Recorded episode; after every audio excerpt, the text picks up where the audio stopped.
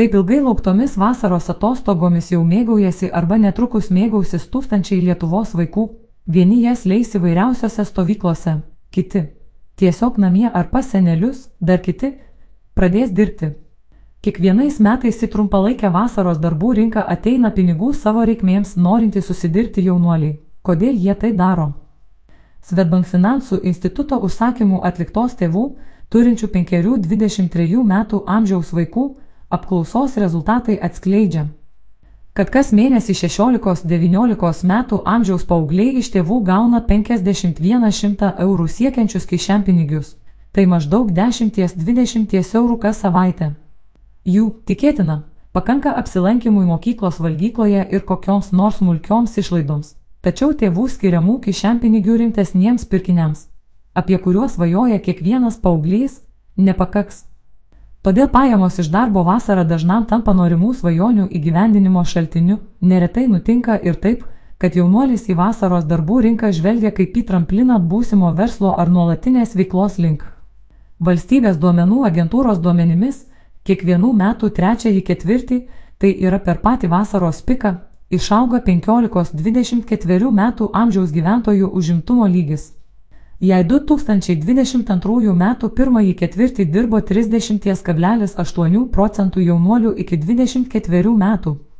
Tų pačių metų antrąjį ketvirtį rodiklis siekia jau 33,9 procentai arba 3,1 procentas punktų daugiau. Jau šį pavasarį darbdaviai suskubo registruoti laisvas darbo vietas.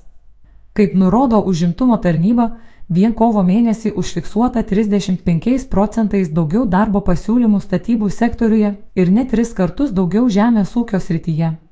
Žinoma, atviriausias sezoniniams darbams - pajūris, kur labiausiai reikalingi vyrėjai, kambarinės, prekybos salių darbuotojai, pagalbiniai darbininkai ir katė - pirmieji oficialūs darbai.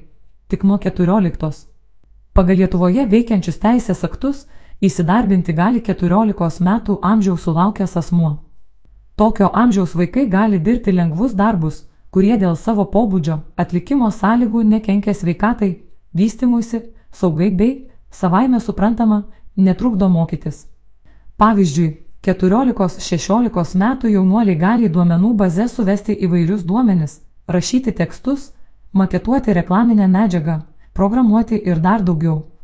Vyresnieji, bet dar nesulaukę 18 metų amžiaus, gali dirbti ir sunkesnius, fiziškai imlesnius darbus prekybos, renginių, aptarnavimo, sezoninių darbų srityse. Tačiau šio laikiniai paaugliai išbando ir kur kas modernesnius susijėmimus, naujus technologinius atradimus ar patys juos kuria bei viską transliuoja socialiniuose tinkluose.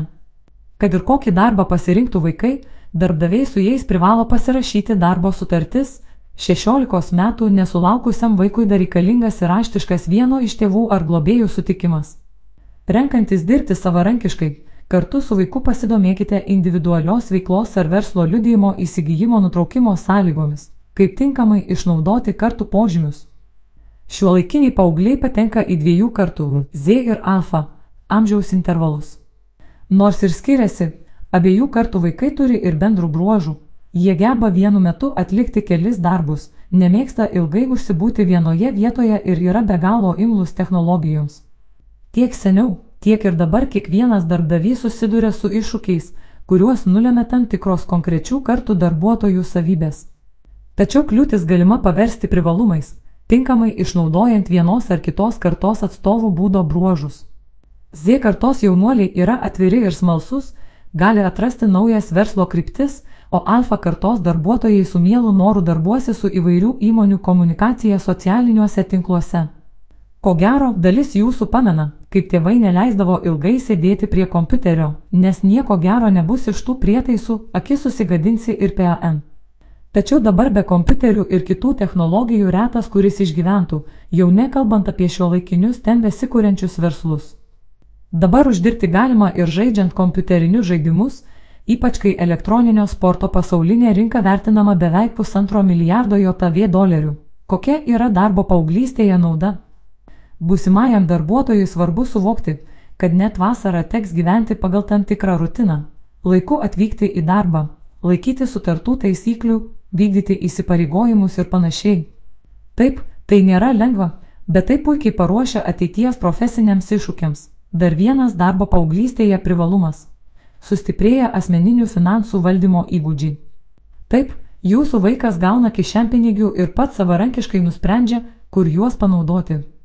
Tačiau gaunant atlyginimą, tai yra kur kas didesnius pinigus, jaunuoliui ne tik atsiveria platesnės išlaidų perspektyvos, bet ir daugiau atsakomybės priimant savarankiškus sprendimus. Gal viską išleisti, o gal priešingai - atidėti į taupyklę, o jeigu dalį atlyginimo - investuoti, kur ir kaip tai padaryti, bet kuriuo atveju, suprasdamas, kaip uždirbami pinigai, paauglys geriau įvertins ir tai, kaip su jais elgtis. Galiausiai darbas vasarą gali tapti vartais į ilgalaikę ar nuolatinę veiklą arba pavirsti netgi būsimų verslų. Jei jūsų vaikas per atostogas pradėjo programuoti, galbūt verta jį pastumėti kompiuterinių technologijų linkme, pavyzdžiui, padovanoti programavimo kursus. Gal jūsų atžala mėgsta konstruoti nedidelius robotus, tačiau idėjos plėtrai trūksta tik nedidelės finansinės paskatos bei atlaisvinto garažo būsimam biurui Kad ir ką šią vasarą dirbti pasirinks jūsų vaikai, aptarkite, kaip jiems sekasi derinti darbą su kitomis veiklomis, ar turi pakankamai laisvo laiko, atsakykite į jiems kylančius klausimus. Kuo daugiau laiko skirsite kylantiems neaiškumams įveikti, tuo, tikėtina, labiau padėsite savo atžaloms ateityje, pradedant karjerą suaugusiųjų pasaulyje, jau nekalbant apie tai, jog dar labiau sustiprinsite tarpusavio ryšį.